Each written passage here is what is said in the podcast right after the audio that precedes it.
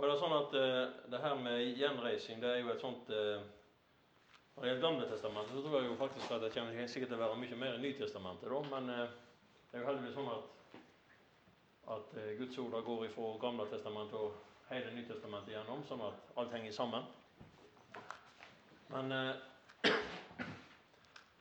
det er jo sånn så han Håvard sier, at, at vi har liksom eh, skrevet ei, eh, ei, ei, bok om det her, og, eh, som egentlig ikke er liksom mitt forfatterskap alene, men det er egentlig Tony Lings sin, sin undervisning som ligger til grunn for det. Og, og her er jo sikkert, jeg vet det er noen her i menigheten som har, på, som har tatt nettkurs på det.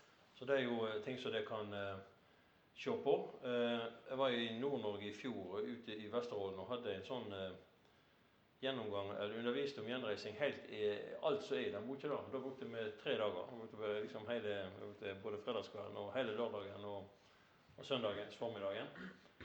Eh, så eh, i kveld så på en måte syns jeg at det var vanskelig å altså det var vanskelig å vite hva skal du liksom trekke fram. og sånt. Men så følte jeg Gud talte til meg her tidlig i uka.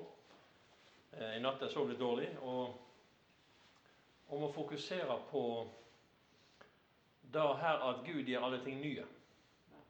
Og da at hver en av oss er gjenreisingsarbeid. Det er viktig at vi på en måte ser oss sjøl rett i Guds gjenreisingsplan. Og Jeg har ikke tenkt å gjøre det komplisert. Jeg føler bare Gud har bedt meg om å gjøre ting veldig enkelt og veldig sånn jordnært. Om jeg greier det, er en annen ting, men jeg har iallfall eh, eh, forberedt meg da. Eh, så får vi se hvordan det går etter hvert. Herre, jeg har lyst til å takke deg for din utrolige godhet og din nåde til oss, Herre. At vi får lov å kjenne din nådes kraft hver dag, Herre. Herre, at du virker din plan igjennom. At vi får lov å være tjenere for din plan og redskap i din hånd, Herre. Bare, bare løft denne kvelden her inne sammen med mine søsken og brødre og søstre her, far, at vi skal få lov å kjenne at du leder oss ved din Hellige Ånd. Herre, vi er helt avhengig av deg både til å dele og til å, og til å forstå og til å ta imot, Herre høre etter som du sier til oss. Bare jeg ber at uh, ved din nåde så skal det her bli en uh, oppmuntrende kveld, Herre. Der uh, ditt ord får lov å føre oss et steg videre i dag tjener deg. I Jesu navn. Amen. Amen. Når det gjelder dette med gjenreising, så må det på en måte forstås på forskjellige måter. Det er det, det, er på en måte noe som har med hele Guds plan og virke å gjøre. Derfor så må du forstå det i små ting, og du må forstå det i store ting. Du må forstå det i de store linjene, og du må forstå det i, i, i praktisk liv òg. Og jeg har bare tenkt å innlede med å bare si noen ting om i, Ikke alt, men noen ting om hvordan vi kan forstå begrepet gjenreising. Nå bruker jeg ordet gjenreising. På bokmål er det mer naturlig å snakke om gjenopprettelse, men gjenopprettelse er oftest brukt i forbindelse med sånn personlig gjenopprettelse. Og Det er liksom ikke det vi snakker om bare heller. Sant? Så Jeg bruker gjenreising, for det er et ord som går både på bokmål og nynorsk. Og så er det liksom det som har lengst røtter i, i Du vet, har jo Erling sitt 'Gjenreising norsk forlag' og greier. Så det er liksom der røttene våre ligger i det ordet. da. Så vi kan ikke, vi kan ikke svikte det, da. Men vi må forstå gjenreising bl.a. som Guds eh, gjenreisingsplan for gjennom Jesus sitt verk på korset å føre alle ting i himmel og på jord inn under ett styre Jesus Kristus sitt herredømme. Og inn og føre alle ting inn i den perfekte harmoni som er Gud sjøl.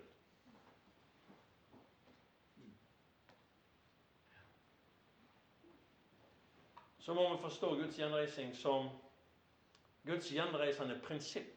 Fordi det er masse gjenreisingsprinsipp. Gode prinsipp. Som vi òg trenger på en måte å forstå.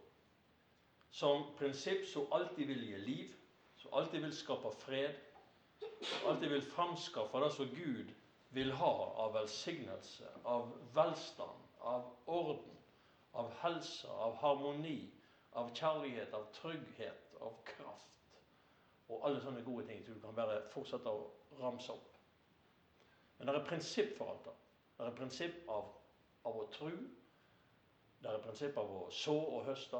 Men det, men det er alt sammen sånne gjenreisingsprinsipp som fører ting framover i Guds plan. Vi må forstå Guds gjenreising som et verk av Gud som fører enkeltmennesket ut av fornedrelse, ut av fattigdom, ut av undertrykking, ut av sykdom, ut av djevelens fangenskap og konsekvenser av synd, bl.a. Og synd sjøl òg. Og inn i Guds harmoniske fellesskap. Det er òg i Guds gjenreising. Vi må forstå det også som et verk av Gud som forandrer samfunnet. Ikke bare enkeltmennesker, men som forandrer samfunn, som forandrer nasjoner. Til å leve i fred og i rettferdighet. For Guds rike er glede, fred og rettferdighet sant, i Den hellige ånd. Og alt dette eh, Guds gjenreisningsplan virker på samfunnet. Mm. Sånn at samfunnet blir løfta opp til å få slutt på urettferdighet og etablere rettferdighet. Få slutt på krig og etablere fred. Få slutt på, på, på, på sorg og motløshet og elendighet og, og etablere eh, glede og harmoni. Ikke bare i nasjoner, men i samfunn, i små samfunn, i nabolag, jeg mener, alt som framvirker Guds plan. Det er noe som stadig tar, tar til i det små, men som eh, vokser og vokser og vokser. Og det er her disse prinsippene også kommer inn. Eh, Bibelen taler mye om at det er ikke vanvøre det som begynner i det små. Men å òg se på små ting som Guds gjenreisingsverk. Eh, fordi at eh, Det er én ting jeg har, jeg har oppdaga gjennom årene, og det er da at det er det er ingen mirakel som slutter. Hvis du kan forstå hva jeg mener med det. Et mirakel skjer, men det tar liksom ikke slutt. Et mirakel er noe som fortsetter. Det skjer, og så fortsetter Fordi at virkningen av det fortsetter. Når du ble frelst, så var det et mirakel. Det største mirakelet som kan skje, det er at et menneske blir født på ny. Men det er ikke et mirakel som slutter der og da. Det bare fortsetter. Det fortsetter nye mennesker, det fortsetter familien, det fortsetter livet ditt, det fortsetter kvaliteten på livet ditt, det fortsetter i hele evigheten. Når et menneske tar imot Jesus og blir født på ny, så er det et mirakel som bringer Guds liv videre til mor og far, søsken, naboer, ut til nasjoner. Altså Tenk på ringvirkningene. Jeg husker Vi hadde en gang på Sotra så hadde vi et offer til bibler til Kina. Jeg følte, vi følte Gud talte om å, om, å, om å, gi 2000 bibler til Kina.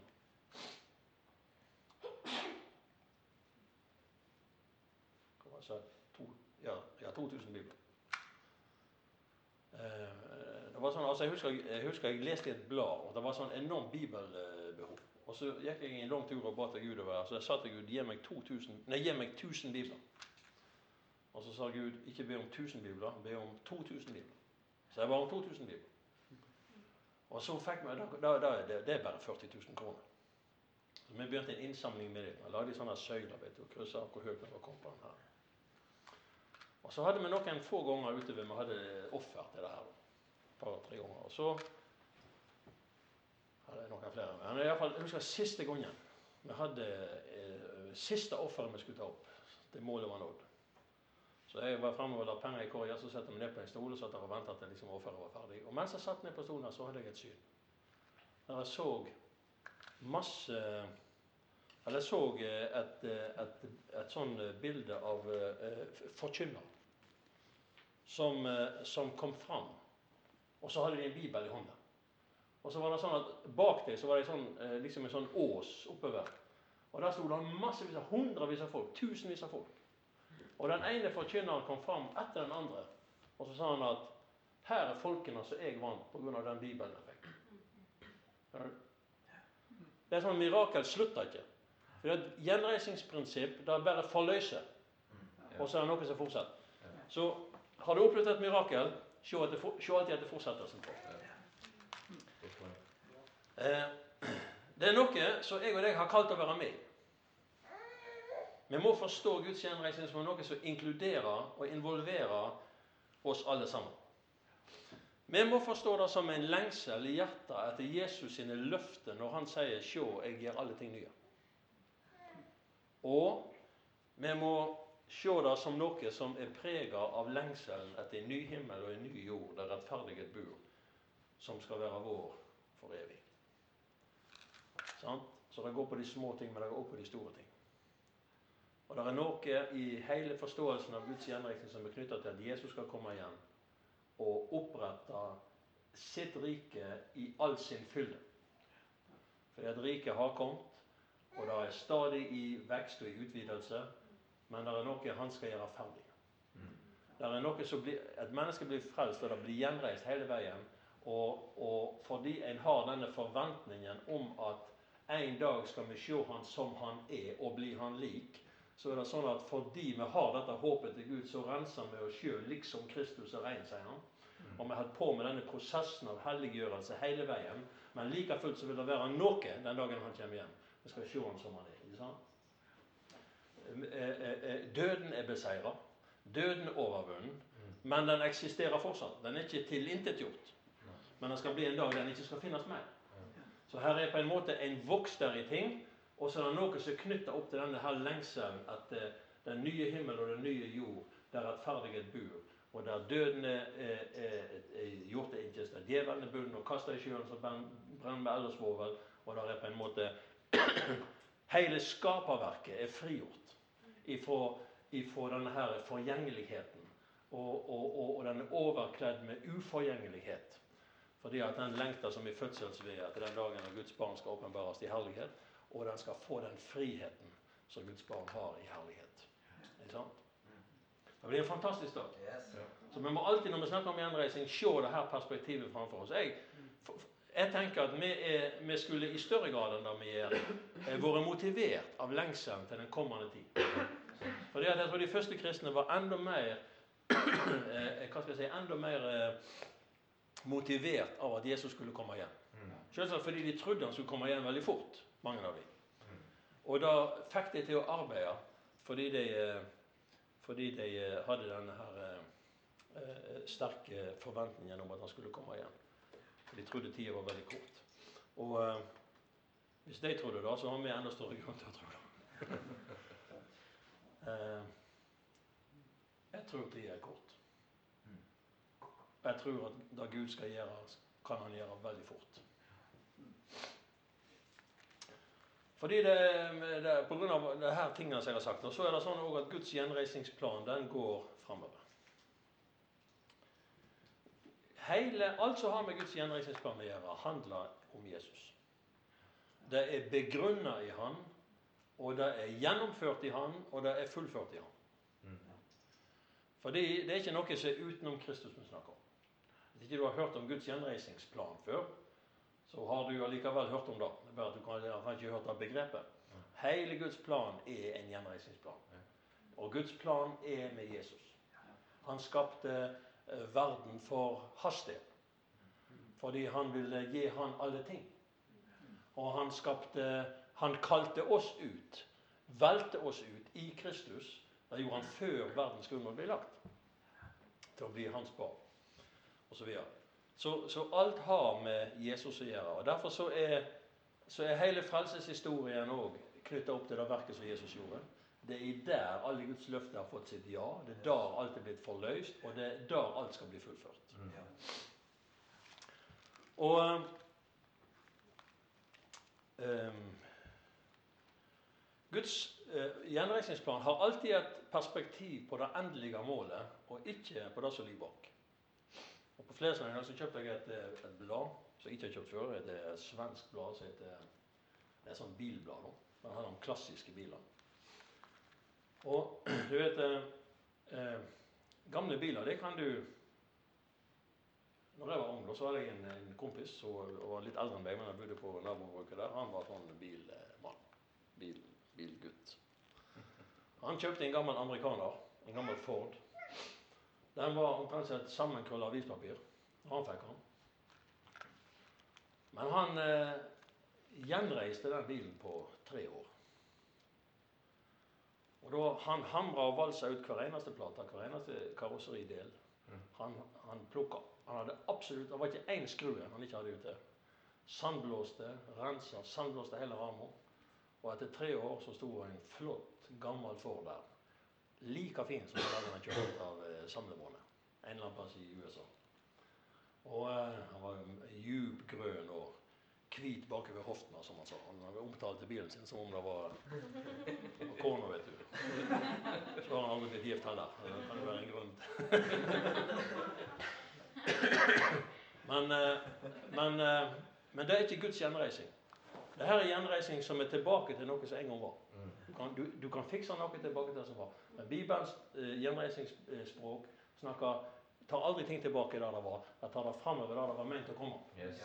Sant? Det er derfor vi må se det her at, eh, at eh, språket vårt skulle òg handle Husker, for eksempel Av og til så snakker vi om, eh, om at når vi snakker til ikke-kristne, så, så har jeg hørt flere ganger at folk sier at, at, at eh, Når vi har vært med studenter på evangelisering, eksempel, så sier de at, kan komme tilbake til far. Så tenker jeg de kan ikke komme tilbake til far. De har aldri vært der. Eh, det er et eller annet begrep som ligger i, den, i denne gamle lutherske tenkningen om at du kan komme tilbake til dåpens nåde, og du kan komme tilbake til et eller annet men, så ingen kan få helt forklare hva det er. Men det er ikke sånn Gud handler. Når Gud handler med deg i frelser, så skjer det noe nytt. Som aldri har skjedd før. Så du kan ikke komme tilbake til noe du aldri har vært til. Men Gud tar deg fram der så han planla at du skulle komme lenge før han skapte deg. Yes. Det verste med brettspill det er sånn at du får sånn der Rykk tilbake til start. Det er altså, Dette mister helt motet av sånne greier. som det. Jeg hater sånne der ting. Jeg, når du kjemper denne greien der og det 'rykk tilbake til start'. Du begynner opp igjen der du var, så er alle andre kommet mye lenger. Det er ikke engang gøy når motspillerne må tilbake til start, for du føler det er så Men det beste med brettspill er når du sånn rykker fram ti plasser eller sånn. Men likevel. Da kjenner du, da går du framover. Fordi at eh, Gud tar deg til noe nytt og til noe bedre. Og Det er sånn Bibelen snakker om. Det er til noe nytt og det er til noe bedre. Ja. Og Vi har veldig mange profetord i vår tid i disse dager her om at Gud gjør noe nytt. Mhm. Og jeg kjenner meg utfordra i min egen tanke på å tenke hva er det nye Gud skal gjøre? Tør vi å tenke stort nok om det nye Gud skal gjøre? Eh, Det, det synes jeg mange kan være utfordrende. For vi er så vant til å høre at Gud gjør noe nytt. Men våger vi å tro at han virkelig gjør noe nytt? Så er så radikalt nytt at ingen har hørt om det før. Så er så nytt at det ringer i ørene når folk hører om det. Her for en stund siden så ble jeg slått av en sånn eh, Det var en sånn tanke. Jeg aner ikke hvor han kom ifra, men jeg fikk en sånn, jeg fikk en sånn der, helt, helt sånn der sprø tanken. Jeg tenkte Hvis jeg hadde vært statsminister, tenkte jeg Jeg Den tanken var jo i seg sjøl ny for aldri. Hun kommer aldri til å bli statsminister. Um, Vær så snill, ikke be om at jeg skal bli det. Jeg, kan, jeg kunne aldri vært politiker. Jeg kunne kanskje vært sånn diktator. jeg vet ikke. Men jeg fikk denne tanken der. Hvis jeg hadde vært statsminister, så ville jeg eh, bestemt Det er jo ikke statsminister. Jeg vet jo at ikke det kan bestemme ting alene, men hvis jeg hadde vært en sånn statsminister som kunne bestemt, så ville jeg bestemt at alle kristne menigheter i Norge skulle få statsstøtte på én betingelse. Og det var at alle som var ansatt, enten på halv eller full tid,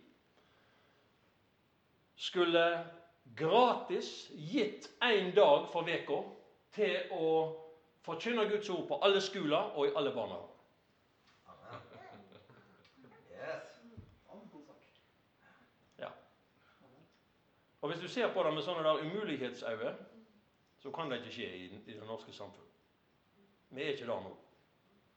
Men hvis du tenker at Gud er i stand til å gjøre nye ting på veldig kort tid og det er han hvis du ser i Bibelen. Du leser Daniels bok, så ser du at det som var strengt forbudt én dag, det var nesten det eneste som var lov neste dag. Fordi at det var noen som var radikale nok til å stå fram og stå for Gud, som er den samme i dag som han var den gang, og som er nå. Yes. Men han er i faktisk i stand til å gjøre nye ting. Og Jeg liker å la meg utfordre av tanken på at Gud kan gjøre nye ting. At ikke vi ser verden bare med verdens briller, men at vi virkelig ser ting med Guds mektige kraft. Eh, kraftsbriller. Mm.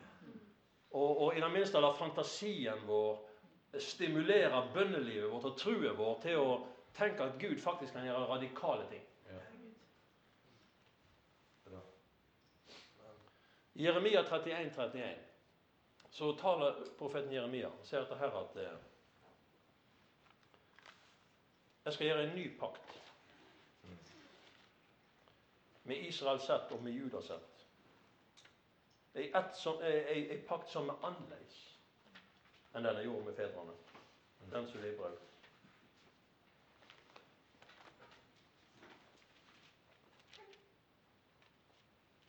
Legg merke til ei ny pakt som er annerledes. Skal vi se.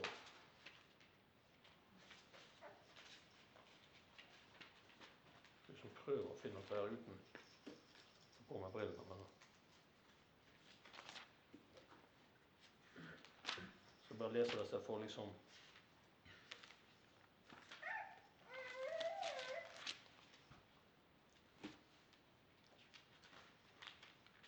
Å ja. Jeg skjønner jo nå.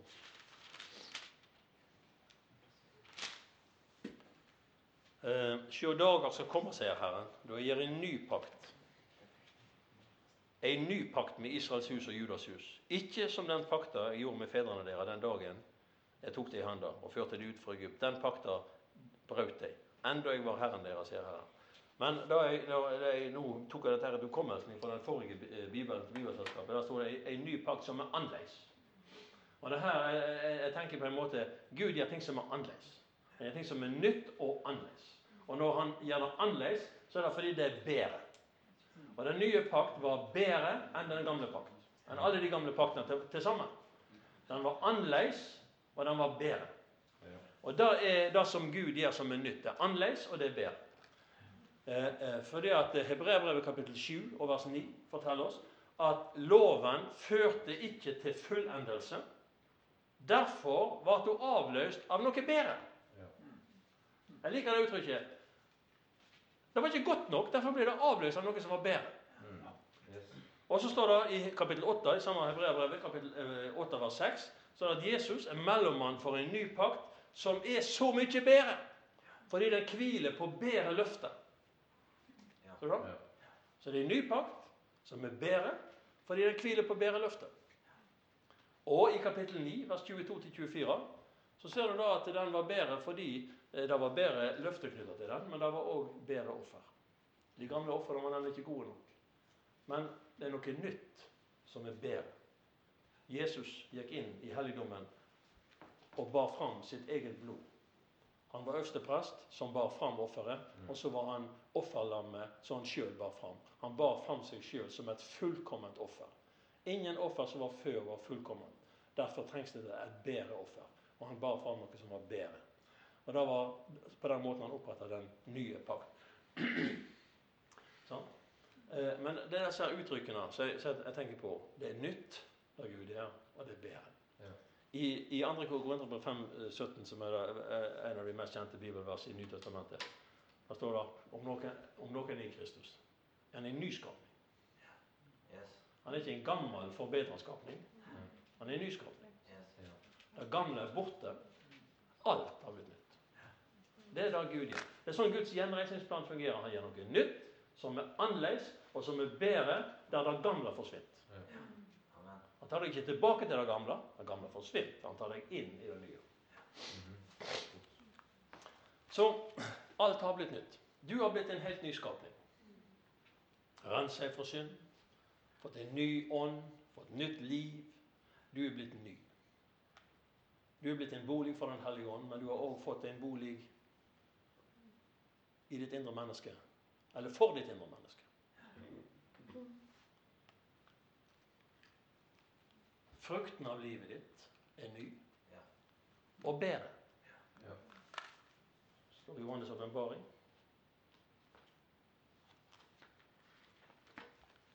Kapittel 2, vers 19.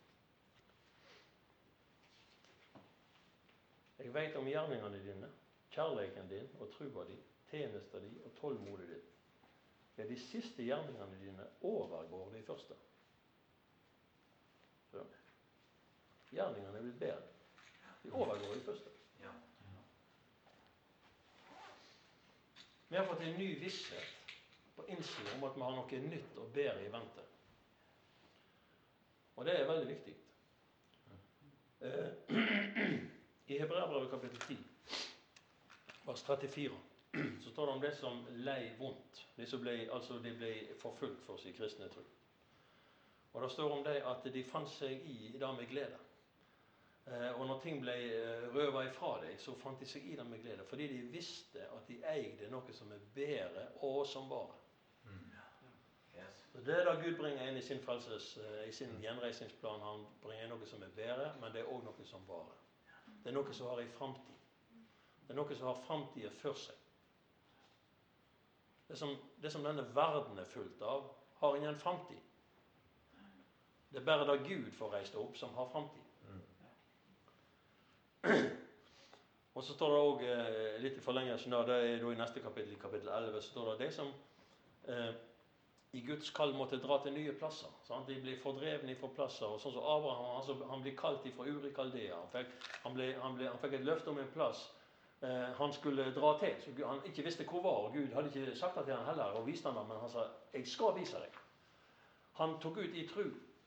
Så han var en sånn pilegrim som ble, som ble, som ble kalt til å leve et liv i tru til noe som Gud hadde lovt. Noe som var bedre. Og så står det om alle disse folkene her at, eh, at eh, de søkte ikke tilbake til, til det landet de kom ifra. For da, da hadde de hatt god tid til å gjøre hvis de ville det. Men de var så bevisst at de hadde fått ifra Gud et nytt land. Et nytt fedreland. Og dette var det de lengta etter. Så de var motivert av det som Gud hadde lovt mer enn det de hadde fra før. Og det er, tror jeg er viktige ting for at vi skal forstå vår rolle i dag å være gjenreisingsarbeidere som er med i å, fullføre Guds gjenreisingsplan som er i Kristus. Så Det starter inni oss. Det står i boka òg. Guds verk begynner alltid på innsida. Og så går det ut. Ikke sant? Det er akkurat som du, du kaster en stein i vannet, så får du sånne, eh, eh, eh, sånne eh, bølger som går ut. Og på samme måten så får du, når Gud gjør noe i ditt indre, så får du sånne ringvirkninger av det her. Som bare går ut og ut og ut og ut. Det begynner med en ny fødsel. Du får del i Guds natur. Bare tenk på det. Det er nytt. Det er noe som er bedre, altså. Tenk å få skifte ut den gamle, syndige menneskenaturen med Guds natur. Få del i guddommelig natur, ettersom du eh, eh, Jeg tror det er Peter som sier at, at du får del i guddommelig natur ettersom det slipper bort fra denne oppløsningen som er i verden. For i verden er det oppløsning. Men i Gud er ikke det oppløsning. Nei. Der er det samling, og der er det visjon. Det er noe som binder sammen. Det er noe som fører framover. Og så kjenner du inn i en helt ny familie. Det er òg nytt. Tenk at du kan oppdage Takk skal du ha. Du oppdager når du har blitt en kristen, at du er blitt en del av noe større. Du oppdager at du har fått en ny familie. Du oppdager at du har en far som heter Abraham. En søster som heter Sara. Og at du har en bror som heter Moses. Og du visste ikke at du hadde disse her før, men du oppdager at eh, du har fått en helt ny familie. Men da var den, det, det, er egentlig, det bare den delen av, av familien som hører til forfedrene. Men så har du alle de som du ser sitter i sofaen, som er dine søsken. Som, har, som er forskjellige fra deg sjøl, men de er familie. Vi hadde en dame på Sotra som tok imot Jesus. Hun nå har de siste månedene så har hun bodd i Oslo. da. Eh, eh, men eh, vi har nå litt kontakt med henne av og til, og hun, eh, hun lever for Gud. Hun tok imot Jesus. Og hun, eh, hun sier da at eh, 'jeg har fått en helt ny familie'. Jeg har fått en helt ny familie. Hun ville gå bibelskolen i år, men så var ikke helsa god nok til det. så hun er fortsatt, Men jeg håper hun kommer neste år. Det det, er det største målet i livet hun har, det er å få gå på bibelskolen.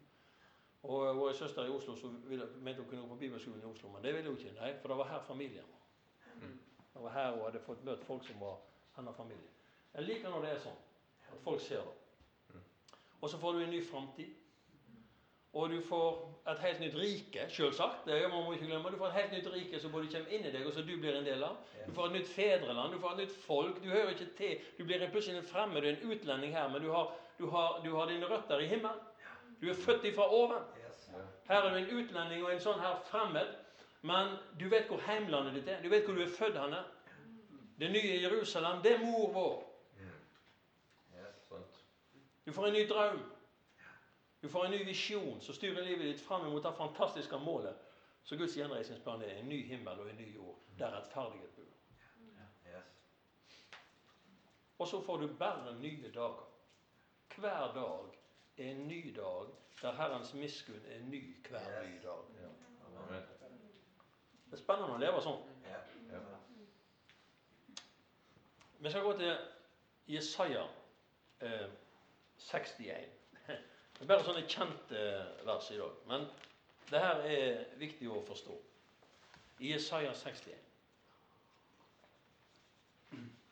Det er den plassen, det er den profetien som Jesus i, eh, i, eh, eh, Lukas 4 han, eh. Lukas 4, vers 18, sant, der, eh, der Jesus var i synagogen og på, på sabbaten. Og så ga de han eh, bokrullen til Jesaja. Og så fant han plassen der det står, og så leste han det som står her i, i, i, i eh, Jesaja 61. Og det er sånn. Her er vel ikke noen i Trondheim som har uh, nynorsk bibel, tenker jeg. Er det det? Du har det? Å, han er i strid. Nei, nei, nei. Nei. Litt for langt vekk til å være strid. Nå hører du ifra, får Fitjar. Men eh, du måtte si litt mer før jeg hørte det. Ja, men så bra. Du får si ammen du når jeg leser i en nynorsk bibel. Jeg ansetter deg hermed til å si ammen. Herren Guds ande er over meg, for Herren har salva meg. Han har sendt meg for å forkynne en god budskap for hjelpeløse. For å forbinde de som har et knust hjerte. Rope ut fridom for de som er i fangenskap, og frigjøring for de som er bundne. For å rope ut et nådens år fra Herren og en hevnens dag fra vår Gud. For å trøste alle som sørger, og gi de sørgende i Sion turban i stedet for oske, gledeolje i stedet for sorg, lovsangstrakt i stedet for mot, en motløs ånd. De skal kalles rettferds eiketre, som Herren har planta for å syne sin herligdom. De skal bygge opp igjen gamle ruiner og gjenreise det som før lå aut. De skal bygge opp igjen ruinbyene som lå aude fra slekt til slekt. Jeg skal lese litt mer etterpå, men jeg skal stoppe der foreløpig. Så her ser du at de som er gjenreist altså, eh, eh, eh, Dette var det Jesus siterte. Og så sa Jesus at i dag har dette ordet gått i oppfyllelse mens det hørte på. Så dette her verset er knytta til han. Det var han som var salva. Han er Kristus, den salvede. sant? Det var han som var salva. Var han Herrens ånd var over. Fordi han var salva til å forkynne evangeliet for mennesket. Og til å løse de som var bundet av djevelen, sette dem i frihet, rope ut eh, frihet for fanger og frigjøring for de bundne, og et nådens år ifra Herren. Ikke sant? Og alt dette her gjorde Jesus. Og han er den salvede. Han er, den, han er, den, han, han er Kristus.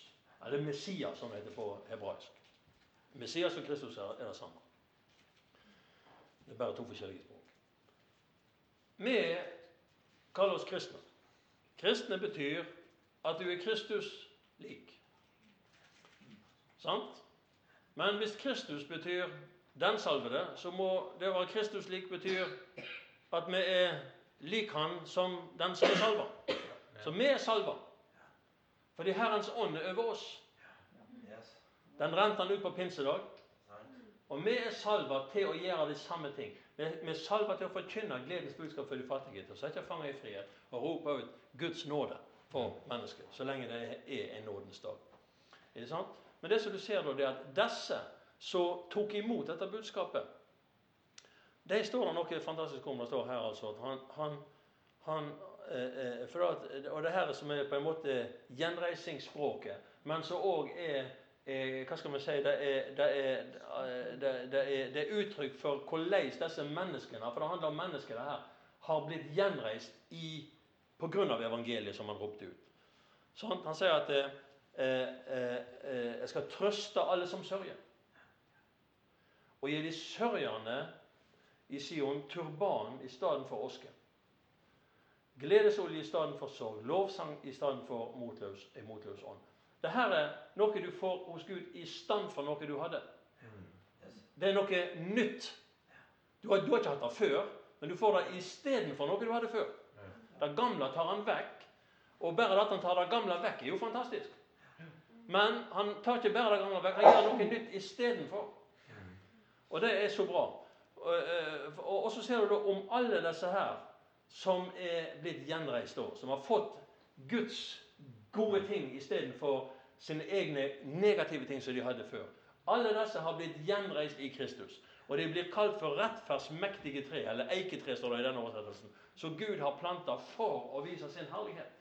Så i dag et menneske har blitt gjenreist i Kristus. Altså i dag de har tatt imot frelser, blitt født på ny, fått nytt liv, fått sine synder tilgitt, fått motløshetens åndverk, og de har fått en ny ånd på innsida, blitt døpt i vann og lagt i menigheten, og de begynner å leve det her livet. Med en gang så blir de kalt for det treet som Gud har planta for å vise sin herlighet.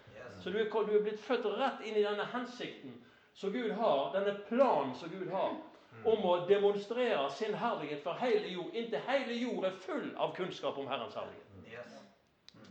For den skal bli full om kunnskap, av kunnskap om Herrens herlighet. Akkurat som vannet ikke havbåten. Og det er det her Gud holder på med. Men du ser du, med en gang du blir gjenreist, så blir du en gjenreisningsarbeider. Med en gang så har du en rolle i å demonstrere denne herligheten. Og, og så står det om dette her treet, da, litt på en annen form i vers 4. De skal bygge opp igjen gamle ruiner. Det er gjenreisningspunkt. Du skal bygge opp igjen. Du skal gjenreise. Du skal bygge opp igjen gamle ruiner. Du skal bygge på nytt. Det er hva det står. Kan vi. De skal bygge de skal, gjen, eh, de skal bygge opp igjen gamle ruiner. Gjenreise det som før lå øde. Og de skal bygge opp igjen ruinbyene som lå øde ifra slekt til slekt. Ikke sant? Eh, jeg må bla litt videre her, jeg.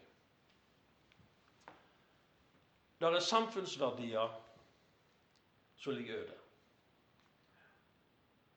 Der er menneskeverd som ligger øde. Der er åndelige sannheter som ligger øde.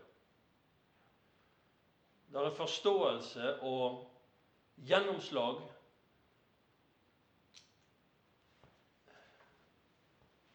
Jeg vet ikke hvordan jeg skal si det. Det er, det er på en måte forståelse som mangler. Sant? Her er mange ting i samfunnet vårt som ligger øde. Fordi folk ikke kjenner Gud. Og fordi det er så mange som ikke kjenner Gud, og så få som kjenner Gud, så er den generelle kunnskapen og de generelle ting som preger samfunnet vårt generelt, lagt i øde. Men Gud skal gjenreise. Han skal gjenreise det som før var lagt i øde. Ikke bare det som blir ødelagt sånn hele tida, men det er ting som har lagt i øde i mange år.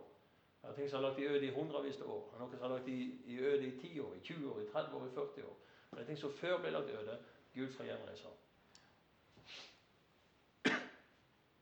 Konsekvenser for mennesker av fallet, det er sånn som går langt tilbake. Synd, urettferdighet, forbannelse. Men det er urett som går så langt tilbake at vi har blitt vant til å leve med det. Vi tenker det er bare sånn verden er, det er sånn, sånn samfunnet er. Men det er ikke på linje med Guds vilje. Det er ikke sånn som han ønsker å ha det. Og så er det faktisk innenfor det området vi kan gjøre noe med. Hvis vi står i sammen og har klart for oss hvordan vi skal arbeide. Vi kan arbeide i lag og strukturert. Det er ingen av oss som kan på en måte være noe annet enn det vi er, og gjøre noe mer enn det Gud har kalt oss til. Men vi er sammen. Som dette treet. Han tar individene. Sant? Hver enkelt som har fått gledesolje i stedet for motor. Han tar hver enkelt, så fører han dem inn i, i ett tre. Alle er en del av det treet. Sant? Og Det kommer til det Jesus sier. Han sier 'Jeg er vintreet, det er greinene'. Det er ikke Jesus er stammen og vi er. Han er hele treet. Og det er da vi, vi er en del av Kristus, for vi er, en del av, vi er, vi er lemmer på hans kropp. Så Kristus er hodet i himmelen og kroppen på jord. Hvis du kan forstå det rett. Det er litt skummelt å si at det er et hode i himmelen og kroppen er på jord. For det høres ut som det er en kropp her som er hodeløs på jord. Men det er ikke sånn det er. Kristus, Jesus er alltid knytta til kroppen sin. Det er bare at han fysisk er i himmelen, mens vi, vi er her. Men han er alltid ett med legemet sitt. Det er ikke det vi gjør. David er med, jeg, bare, jeg har bare oppdaga det. vet du, hører, En av fordelene med ikke alltid forkynne sjøl, å høre andre forkynne, det er at av og til så hører du hva du sjøl har sagt, eh, eller hvor rart det virker, det du sjøl har sagt. Spesielt hvis du sitter i lag med noen som ikke er så modne og kom så langt på veien og ikke vant til språket med før. Så høres det veldig rart ut at Jesus er hodet i himmelen, og så er kroppen en helt annen plass. Vi skal bygge på nytt de nedbråtne byer som lå der øde fra ett til ett. Byer er òg et, et uttrykk, tror jeg, i Bibelen for, for, for, for styre. For, for, uh, samla styre, sentralisert styre. For samfunnsliv. Det, det er eh, En by fungerer mer som et samfunn på den måten at den er, den er, den er mer mangfoldig, og den er organisert. Eh, men eh, men eh, og det er ikke så viktig, men det er iallfall byer som ligger øde, som skal bygges opp igjen. Og jeg tror ikke det går på å grave ut gamle altså Jeg tror ikke det her går på på en måte verken arkitektur eller sånn her eh, sånn her eh, Ja. Men eh, det er Guds rike som skal bygges. Det som vi ser alt imot, det er Vent litt. skal vi se.